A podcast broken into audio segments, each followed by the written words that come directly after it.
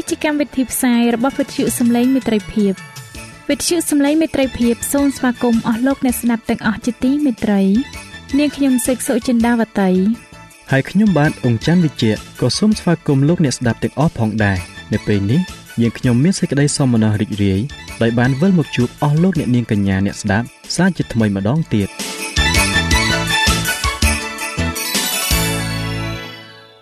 ចា៎លោកអ្នកស្ដាប់ជាទីមេត្រី នាងខ្ញុំសូមគោរពអញ្ជើញអស់លោកលោកស្រីអ្នកនាងកញ្ញាតាមដានស្ដាប់កម្មវិធីផ្សាយរបស់វិទ្យុយើងខ្ញុំដូចតទៅ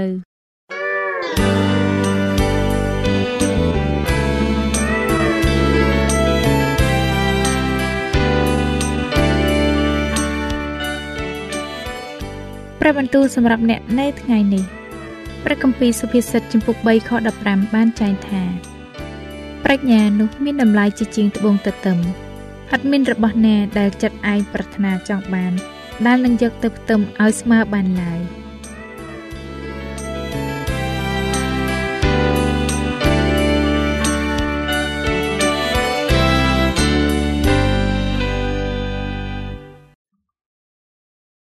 បាទ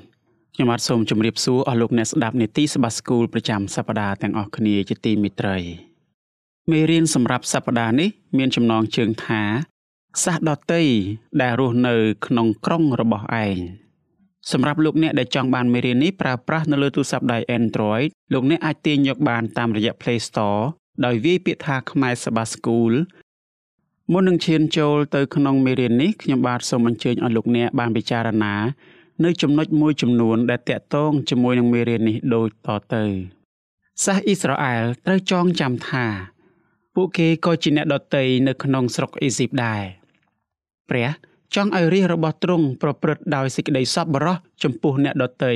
តាមរបៀបដែលពួកគេប្រាថ្នាចង់ឲ្យពួកអេស៊ីបប្រព្រឹត្តសេចក្តីសប្បុរសចំពោះពួកគេដូច្នោះដែរទន្ទឹមនឹងនេះព្រះយេស៊ូវក៏ចង់ឲ្យយើងប្រព្រឹត្តដោយសេចក្តីសប្បុរសចំពោះអ្នកដតីនៅជុំវិញខ្លួនផងដែរនៅពេលដែលយើងសម្លឹងមើលទៅឯឈើឆ្កាងនោះយើងនឹងឃើញកិច្ចការជាច្រើនដែលព្រះយេស៊ូវបានធ្វើសម្រាប់យើងរាល់គ្នាតើ ហេតុអ្វីបានជាគោលគំនិតនេះអាចជួយឲ្យយើងប្រព្រឹត្តដោយសេចក្តីសប្បុរសចំពោះអ្នកដទៃបាន យើងអាចថ្វាយបង្គំនៅថ្ងៃដ៏ត្រឹមត្រូវមួយយើងអាចយល់នៅសេចក្តីពិតនៃព្រះគម្ពីរអំពីសេចក្តីស្លាប់ឋានខំប្រលឹងនិងអំណាចនៃសត្វសាហាវនិងសញ្ញារបស់វាជាដើមប៉ុន្តែតើចំណេះដឹងទាំងនេះមានប្រយោជន៍អ្វីទៅ ប្រសិនបើយើងប្រព្រឹត្តអាក្រក់និងមិនអើពើចំពោះអ្នកដទៃ ឬកាត់ក្តីដោយអយុត្តិធម៌នោះតើហេតុអ្វីបានជាយើងត្រូវតែប្រុងប្រយ័ត្នកុំឲ្យគិតថា ការយល់ដឹងអំពីសេចក្តីពិតនៃព្រះគម្ពីររបស់យើង គឺជាអ្វីទាំងអស់ដែលព្រះសូមពីយើងនោះតើហេតុអ្វីបានជាការគិតបែបនោះ គឺជាអន្ទាក់មួយសម្រាប់យើងទៅវិញអស់លោកអ្នកជាទីមេត្រីមេរៀនសប្តាហ៍មុនរបស់យើង យើងបានសិក្សាអំពីអាចារ្យយូដាម្នាក់ដែលបានសួរសំណួរព្រះយេស៊ូវអំពីបញ្ញត្តិអាចារ្យម្នាក់នេះចង់ដឹងថា ក្នុងបញ្ញត្តិទាំងប៉ុន្មានតើមានបទបញ្ញត្តិណាសំខាន់ជាងគេទាំងអស់ជាដំបូងព្រះយេស៊ូវបានមានបន្ទូលថាព្រះជាព្រះអម្ចាស់តែមួយព្រះអង្គទ្រង់បន្ទាប់មកព្រះយេស៊ូវបានមានបន្ទូលប្រាប់អាចារ្យម្នាក់នេះដោយដែលមានចែងនៅក្នុងព្រះគម្ពីរម៉ាកុសចំពុក12ខ30ថា ហើយឯងត្រូវស្រឡាញ់ដល់ព្រះអម្ចាស់ជាព្រះនៃឯងឲ្យអស់អំពីចិត្តអស់ពីព្រលឹងអស់ពីគំនិត ហើយអស់ពីកម្លាំងនៃឯងនោះហើយជាបញ្ញត្តិទី1អស់លោកអ្នកជាទីមេត្រី ព្រះយេស៊ូវមិនបានបញ្ឈប់ត្រឹមតែមានបន្ទូលត្រង់តែប៉ុណ្ណឹងនោះទេទ្រង់ក៏មានបន្ទូលអំពីបញ្ញត្តិទី2ផងដែរ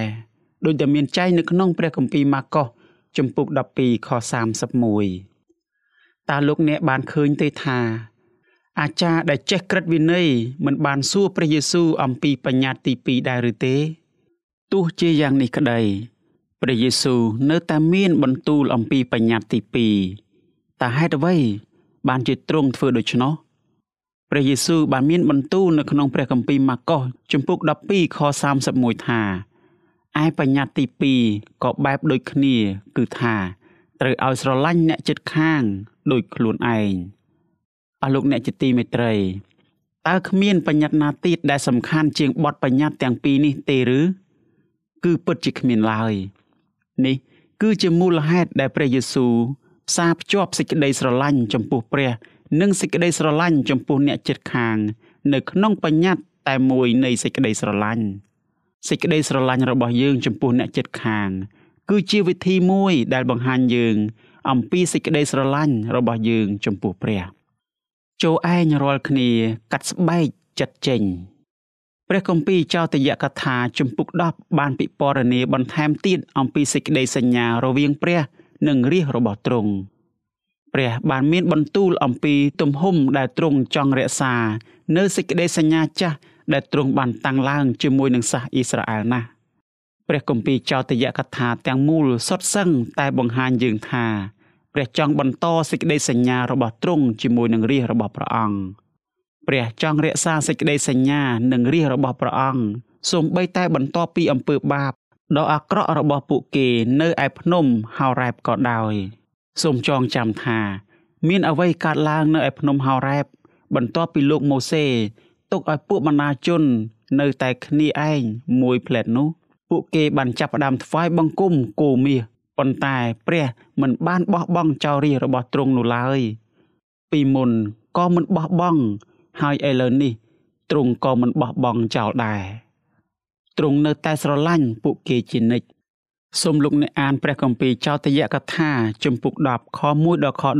11តើមានអ្វីកើតឡើងនៅក្នុងខព្រះគម្ពីរទាំងនេះ តើរឿងនៅក្នុងត្រង់ចំណុចនេះ ជួយយើងឲ្យយល់ថាព្រះបានអត់ទោសអំពើបាបរិះរបស់ទ្រង់ដោយរបៀបណាដែរ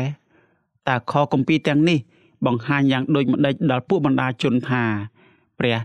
ចង់រក្សាសេចក្តីសញ្ញាដែលទ្រង់បានតាំងឡើងជាមួយនឹងពួកអាយកោរបស់ពួកគេកាលពីមុនលោកម៉ូសេបានបំបែកចោលក្រឹតវិន័យ10ប្រការដែលព្រះបានចារឹកនៅលើថ្មទាំងពីរផ្ទាំង ដោយដែលមានចែងនៅក្នុងព្រះគម្ពីរចោទយកថាជំពូក9ខ17ក្រោយមកព្រះអម្ចាស់បានសូមឲ្យលោកម៉ូសេកាត់ថ្មពីរផ្ទាំងដូចជាថ្មមុនដែលលោកម៉ូសេបានបំបែកនោះ បន្ទាប់មកព្រះបានចារឹកពាក្យទាំងអំបាលមានដែលមាននៅក្នុងផ្ទាំងថ្មកាលពីមុន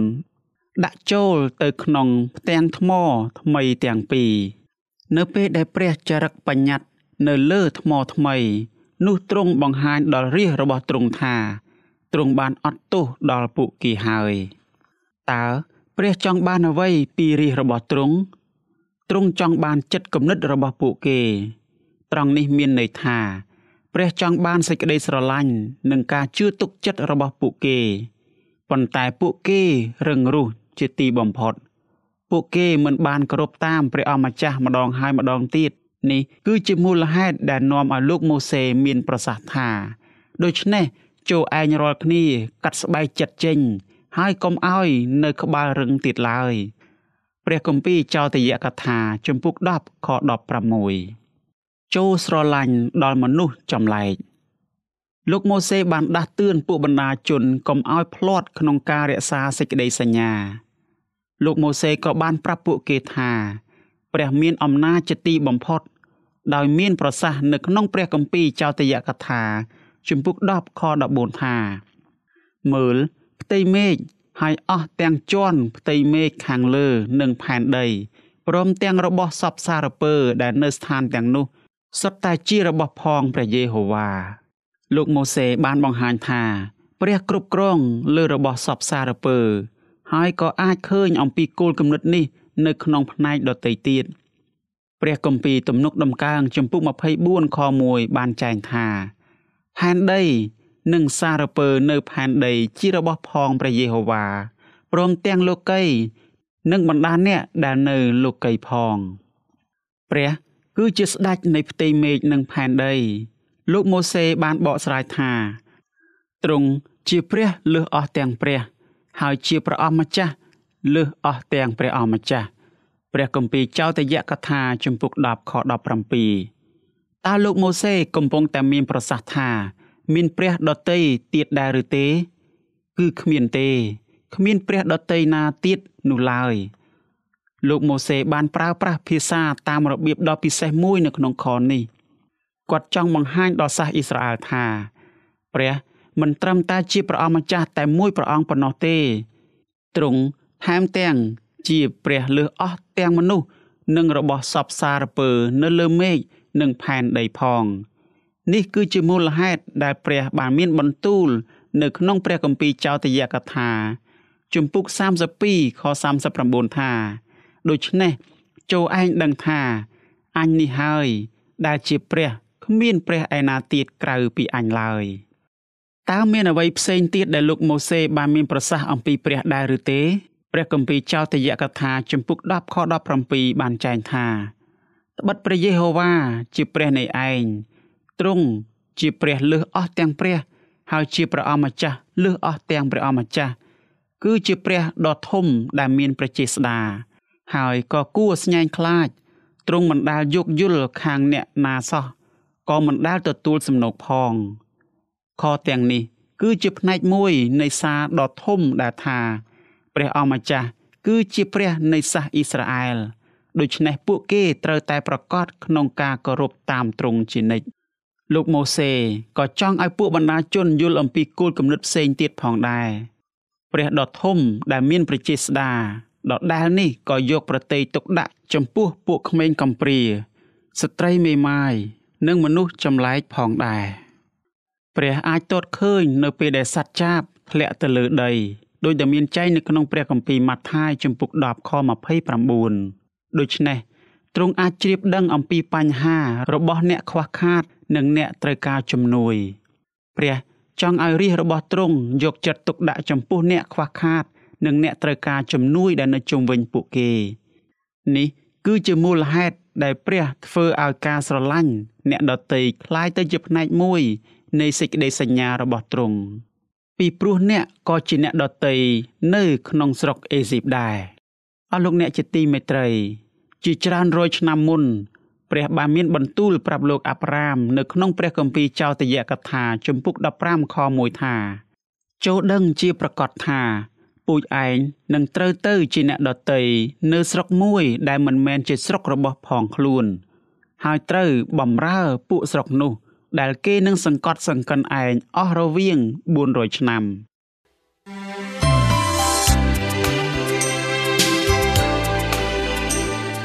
សេចក្តីជំនឿកើតឡើងដោយលឺហើយដែលលឺនោះគឺដោយសារព្រះបន្ទូលនៃព្រះ តាមរយៈវិទ្យុសំឡេងមិត្តភាព AWR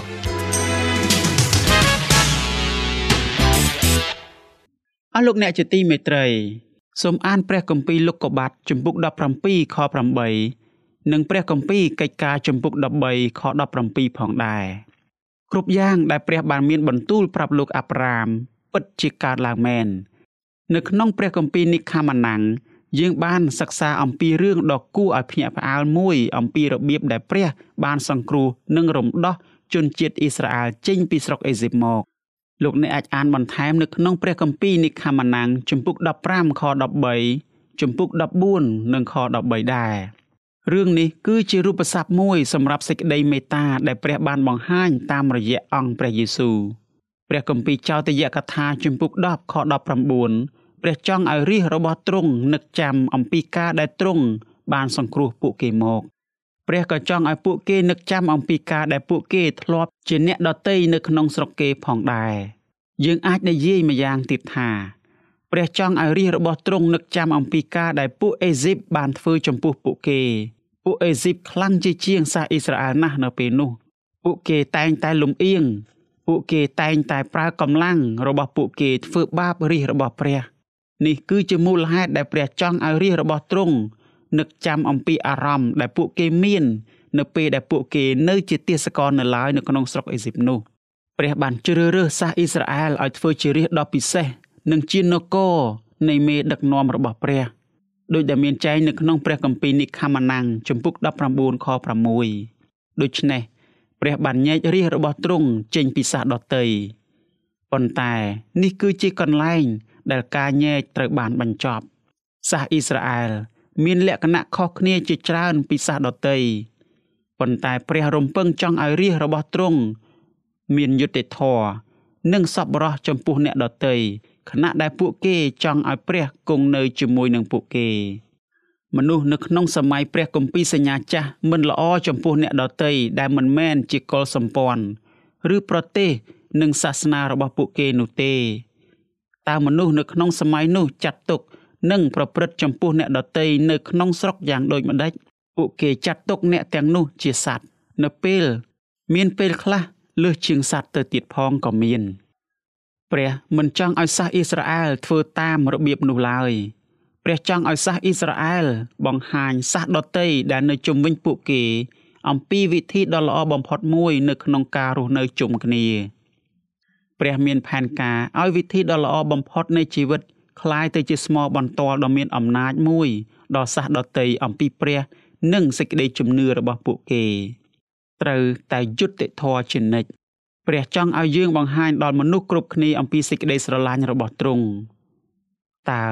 យើងអាចធ្វើដូច្នេះបានដោយរបៀបណាលោកប៉ុលបានបកស្រាយនៅក្នុងព្រះគម្ពីរកាឡាទីជំពូក4ខ19ថាកូនចៅអើយខ្ញុំលំបាកក្នុងចិត្តជាពន់ពេកដោយព្រោះអ្នករាល់គ្នាម្ដងទៀតតលតែព្រះគ្រីស្ទបានមកមានរូបរាងក្នុងអ្នករាល់គ្នាឡើង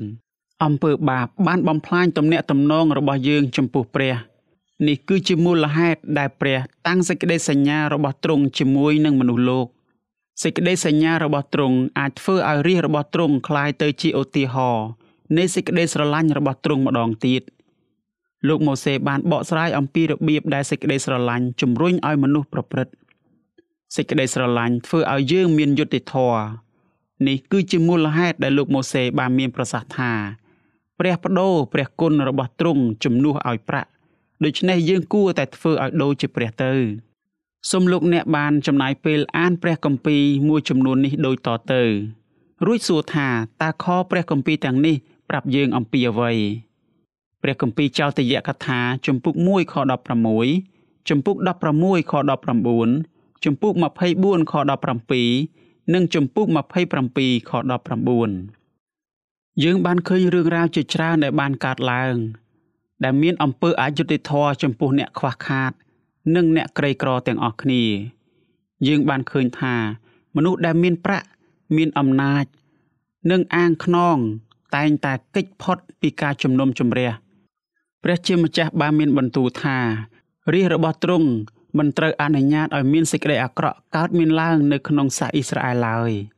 ជនជាតិអ៊ីស្រាអែលត្រូវតែមានយុត្តិធម៌នៅក្នុងការសម្រេចចិត្តរបស់ពួកគេ មនុស្សគ្រប់គ្នាក្នុងសាសអ៊ីស្រាអែលគួរតែសម្រេចចិត្ត ដោយមានសេចក្តីយុត្តិធម៌នៅកន្លែងជំនុំជម្រះជានិច្ចព្រះចង់ឲ្យរាជរបស់ទ្រង់មានភាពយុត្តិធម៌សម្រាប់ហេតុផលមួយទៀតផងដែរកាលណាយើងបង្ហាញភាពយុត្តិធម៌អ្នកដតីនឹងមើលឃើញព្រះនិងសេចក្តីស្រឡាញ់របស់ទ្រង់ជាមិនខាន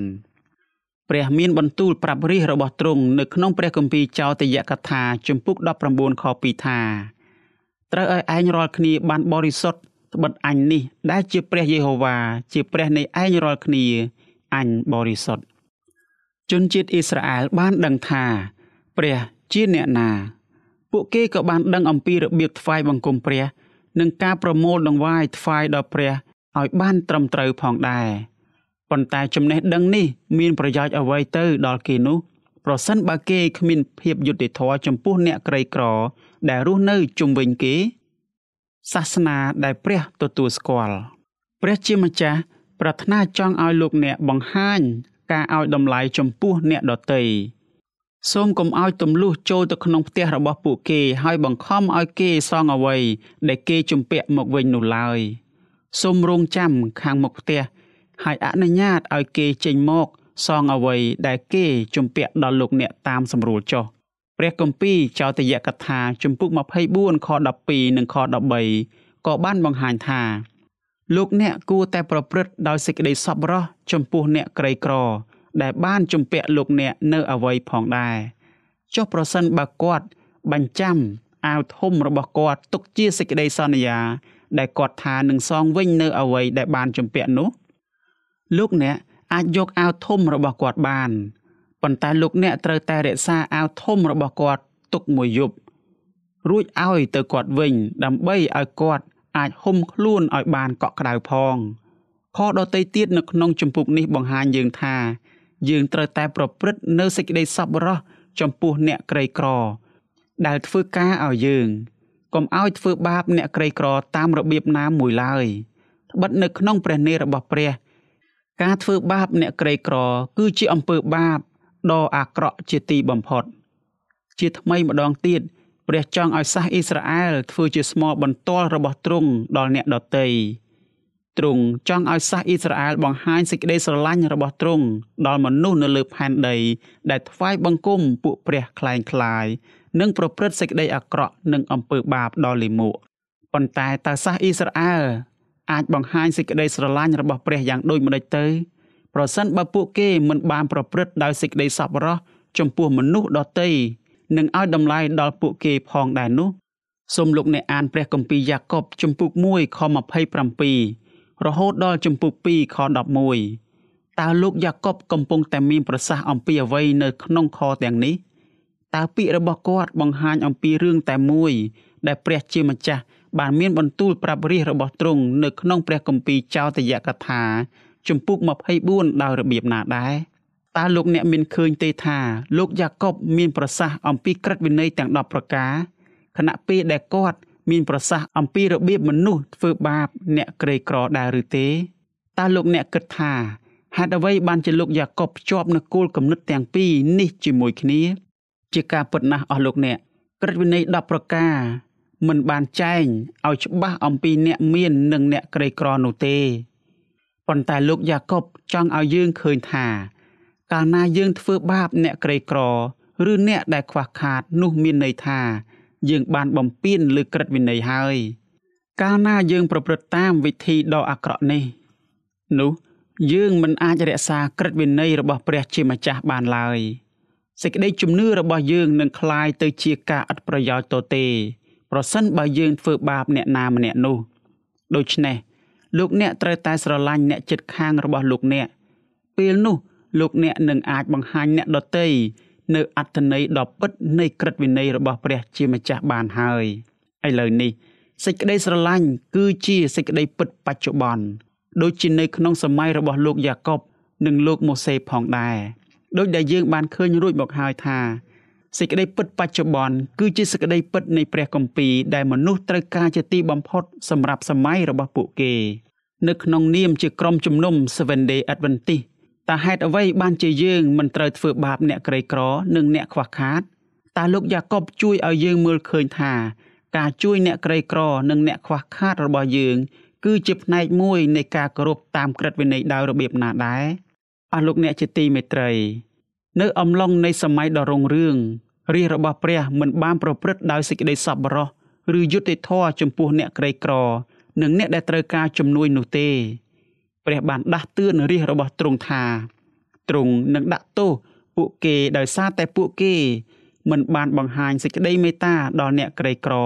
ហើយទ្រង់មានបន្ទូលនៅក្នុងព្រះគម្ពីរអេម៉ូសជំពូក5ខ11និងខ12ថា ដូច្នេះដោយព្រោះឯងរាល់គ្នា តែងញោមញីពួកក្រីក្រ ហើយរឹបយកស្រូវពីគេ បានជាឯងរាល់គ្នានឹងសង់ផ្ទះដោយថ្មដាប់ តែមិនបានអាស្រ័យនៅក្នុងផ្ទះនោះទេឯងរាល់គ្នានឹងដាំចំការទំពាំងបាយជូរដ៏គប់ចិត្តតែមិនបានផឹកស្រាទំពាំងបាយជូរពីនោះឡើយត្បិតអញដឹងហើយថាអំពើរំលងរបស់ឯងរាល់គ្នាមានសន្ធឹកណាស់ហើយអំពើបាបរបស់ឯងរាល់គ្នា ក៏មានទម្ងន់ពេកផង គឺឯងរាល់គ្នាហើយ ជាពួកដែលបៀតបៀនមនុស្សសុចរិតហើយស៊ីសំណោកព្រមទាំងបង្វែរមនុស្សកំសត់ទុរគតមិនឲ្យបានសម្រេចតាមអំណាចច្បាប់អស់លោកអ្នកជាទីមេត្រីព្រះក៏បានទតឃើញគ្រប់ទាំងសេចក្តីអាក្រក់ដែលរាជរបស់ទ្រង់បានធ្វើចំពោះអ្នកក្រីក្រផងដែរព្រះបានទតឃើញនៅពេលដែលរាជរបស់ទ្រង់កេងប្រវ័ញ្ចពីអ្នកក្រីក្រដោយទ្រង់មានបន្ទូលនៅក្នុងព្រះគម្ពីរអេសាយ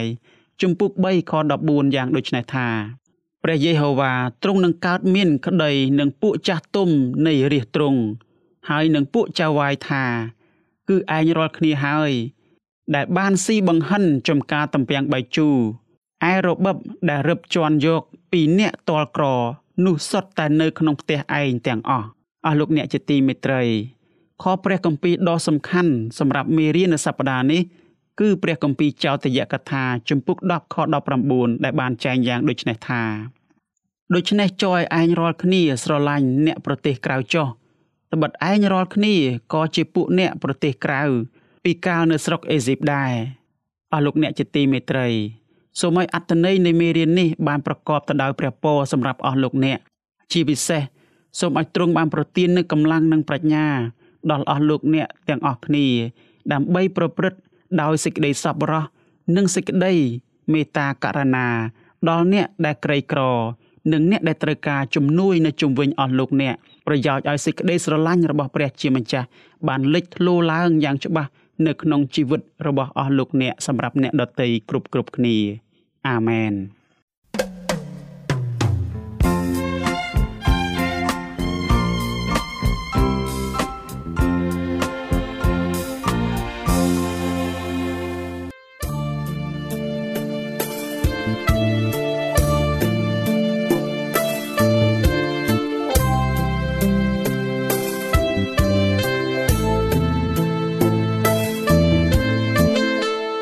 បើសិនជាលោកអ្នកមានសំណួរឬសំណុំពរអ្វីសូមតាក់ទងមកការិយាល័យវិទ្យុយើងខ្ញុំ តាមអាស័យដ្ឋានផ្ទះលេខ15ផ្លូវលេខ568សង្កាត់បឹងកក់2ខណ្ឌទួលគោករាជធានីភ្នំពេញលោកអ្នកក៏អាចសរសេរសម្បត្តិផ្ញើមកយើងខ្ញុំតាមរយៈប្រអប់សម្បត្តិលេខ488ភ្នំពេញឬតាមទូរស័ព្ទលេខ012 34 96 64ឬ097 80 81 060ឬក៏តាមរយៈអ៊ីមែល vol@awr.org យើងខ្ញុំរងចាំទទួលស្វាគមន៍អស់លោកអ្នកនាងដោយក្តីសោមនស្សរីករាយហើយលោកអ្នកក៏អាចស្ដាប់កម្មវិធីនេះឡើងវិញដោយចូលទៅកាន់ website របស់វិទ្យុយើងខ្ញុំ តាមរយៈអាស័យដ្ឋាន www.awr.org